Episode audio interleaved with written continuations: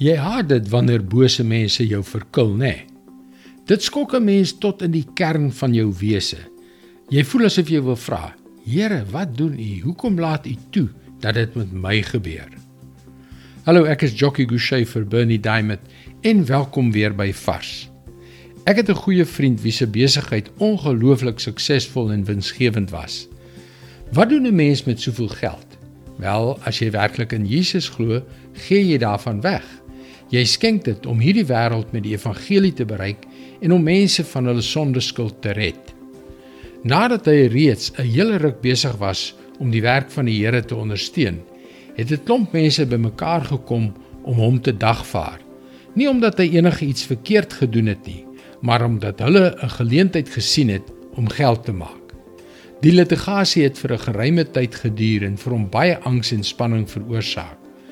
Toe hulle uiteindelik die saak afgehandel het, het dit beteken dat hy 'n aansienlike bedrag geld wat vir die Here se werk geoormerk was, verloor het. So 'n tipe onreg tref ons almal een of ander tyd. Al is dit op 'n baie kleiner skaal. En dan is die vraag wat by jou opkom. Here, wat doen U? Psalm 97 vers 10 tot 12. Julle het die Here lief haat dan wat sleg is.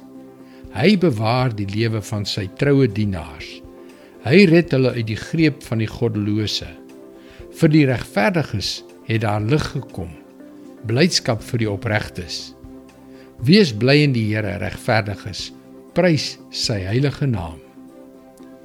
Hierdie versie klink asof dit altyd moet goed gaan omdat ons die Here liefhet. Maar dit gebeur nie altyd soos ons gehoop het nie. Maar wanneer jy onregverdig behandel word, onthou hierdie woorde: Die Here sal jou red uit die greep van die goddelose. Oor regverdiges skyn daar lig en daar is blydskap vir hulle wat opreg is. Dit is God se woord, vars vir jou vandag. Vertrou op die Here en prys sy heilige naam. Jy kan daagliks boodskappe soos hierdie per e-pos ontvang. Gaan na ons webwerf varsvandag.co.za en teken in. Hier by Christianity Works is dit ons passie om ontelbare lewens een vir een te sien verander terwyl ons die goeie nuus van Jesus deur middel van die media oor die hele wêreld versprei. Mooi loop en luister weer môre na jou gunstelingstasie vir nog 'n vars boodskap.